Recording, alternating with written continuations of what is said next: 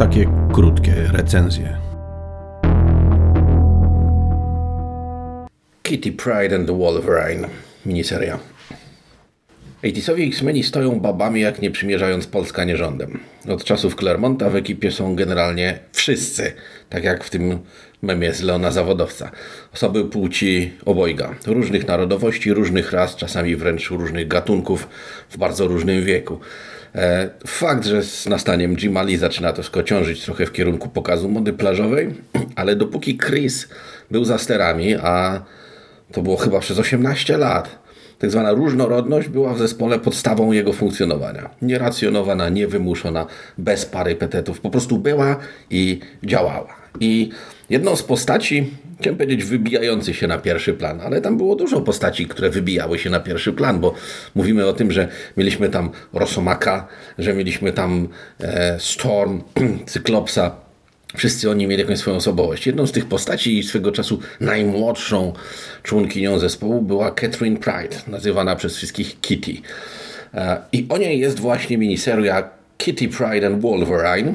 Jak łatwo domyślić się z tytułu, drugą wiodącą postacią w tej miniserii będzie nikt inny jak agent Logan, były członek e, kanadyjskich służb specjalnych, obecnie wolny strzelec związany z zespołem X-Men i działający ze Stanów Zjednoczonych.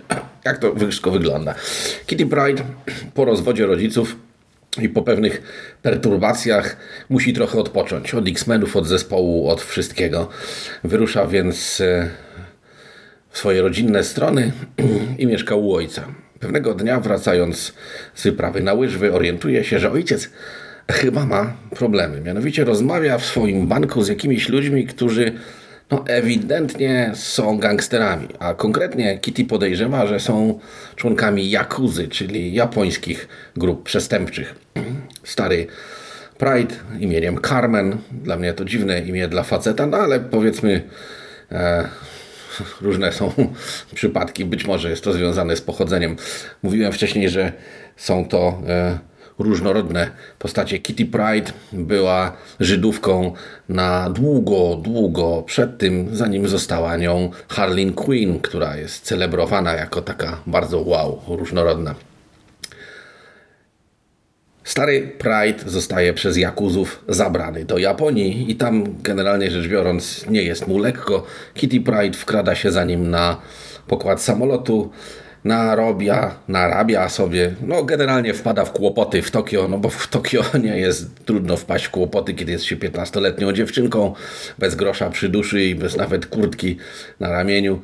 No i oczywiście okazuje się, że kłopoty te są dużo poważniejsze. Mianowicie dostaje się w ręce Oguna, mistrza samurajskiego Ronina, który najprawdopodobniej e, wynika z toku akcji, również jest mutantem, poddaje ją praniu mózgu i szkoleniu. I w tym momencie wchodzi Wolverine, cały na brązowo.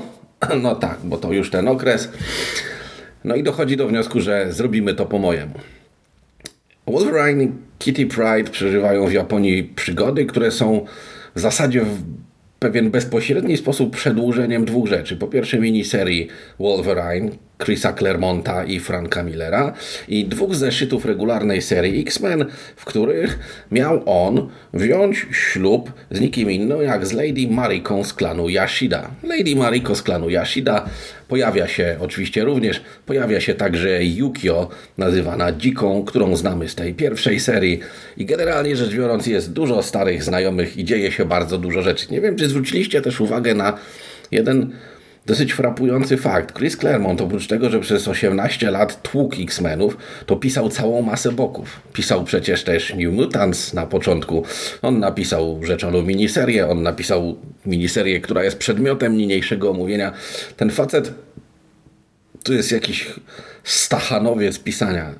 Tytan absolutnie scenariuszopisarstwa wszelkiego, bo wychodzi na to, że kilka zeszytów miesięcznie wypluwał z siebie i to wszystko, słuchajcie, to wszystko trzymało się kupy.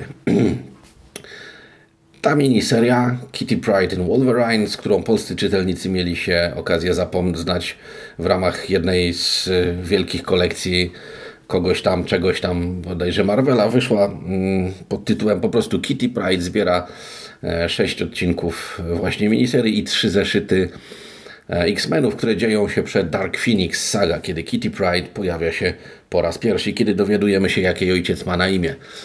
Um, tak jak mówiłem, e, akcja dosyć bezpośrednio nawiązuje, chociażby poprzez obecność bohaterów e, i innych sytuacji wspomnianych w, w dialogach, w wydarzeniach, ale także pod względem graficznym, ponieważ Al Milgrom, dosyć znany również polskim czytelnikom, bardzo dużo e, bujał się przy tych wszystkich Infinity, różnych sagach i innych rzeczach, a oprócz tego no, jest inkerem, który ma na koncie niewiarygodną wręcz ilość współprac.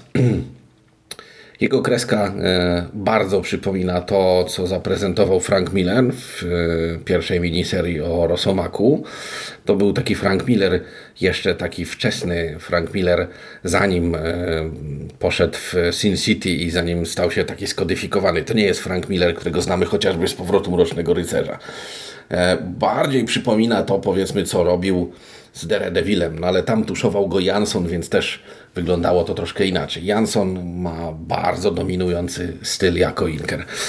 E, Al Milgrom nie stworzył jakiejś mega e, wciągającej oprawy graficznej, ale jest to rzemiosło takie jak powinno być i wystarczy, żeby zilustrować historię. E, historię, która jest ciekawa, bo w tym wszystkim w praniu mózgu, w szkoleniu ninja, w rzucaniu się z mieczami nożami i z całą resztą na swoich, cudzych, na wrogów, przyjaciół i w próbie odnalezienia siebie samej Kitty Pride dorasta. I fizycznie może nie trwa to bardzo długo, ale z dziewczynki robi się wojowniczka, robi się z niej kobieta. Kitty odchodzi od mówienia o sobie Kitty, czyli kociak. To wtedy właśnie przyjmuje imię Shadow Cat.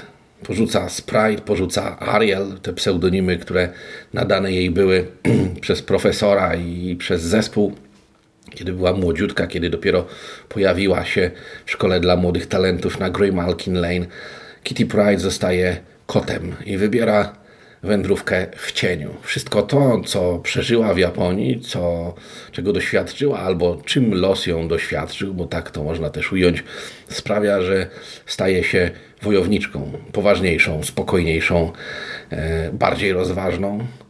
Prawdopodobnie jest to jej początek drogi do tego, żeby kiedyś w przyszłości stanąć na czele X-Men Gold jako dowódca zespołu, przywódczyni zespołu. Tu ta jej droga w momencie, który dla każdego człowieka jest y, na swój sposób trudny, bo kiedy ma się 15 lat, świat jest jednocześnie wspaniały i jednocześnie naprawdę okropny.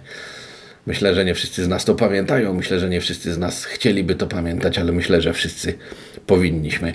Dlatego tak naprawdę Kitty Pride and Wolverine to jest opowieść o dorastaniu, o stawaniu się sobą, o doskakiwaniu do pewnych ról, pewnych oczekiwań, pewnych wymagań, jakie stawia przed nami nie bycie członkiem jednego z najbardziej znanych zespołów wyjętych spod prawa, no wtedy jeszcze nie, ale już prawie mutantów, ale jakie stawia przed nami po prostu codzienne życie. Alegorią tego, z czym wszyscy musimy się zmagać. I co?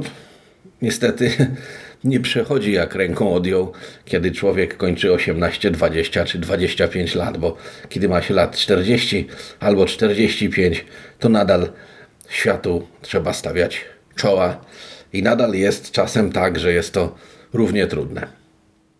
Ale bywa też, że jest równie fascynujące.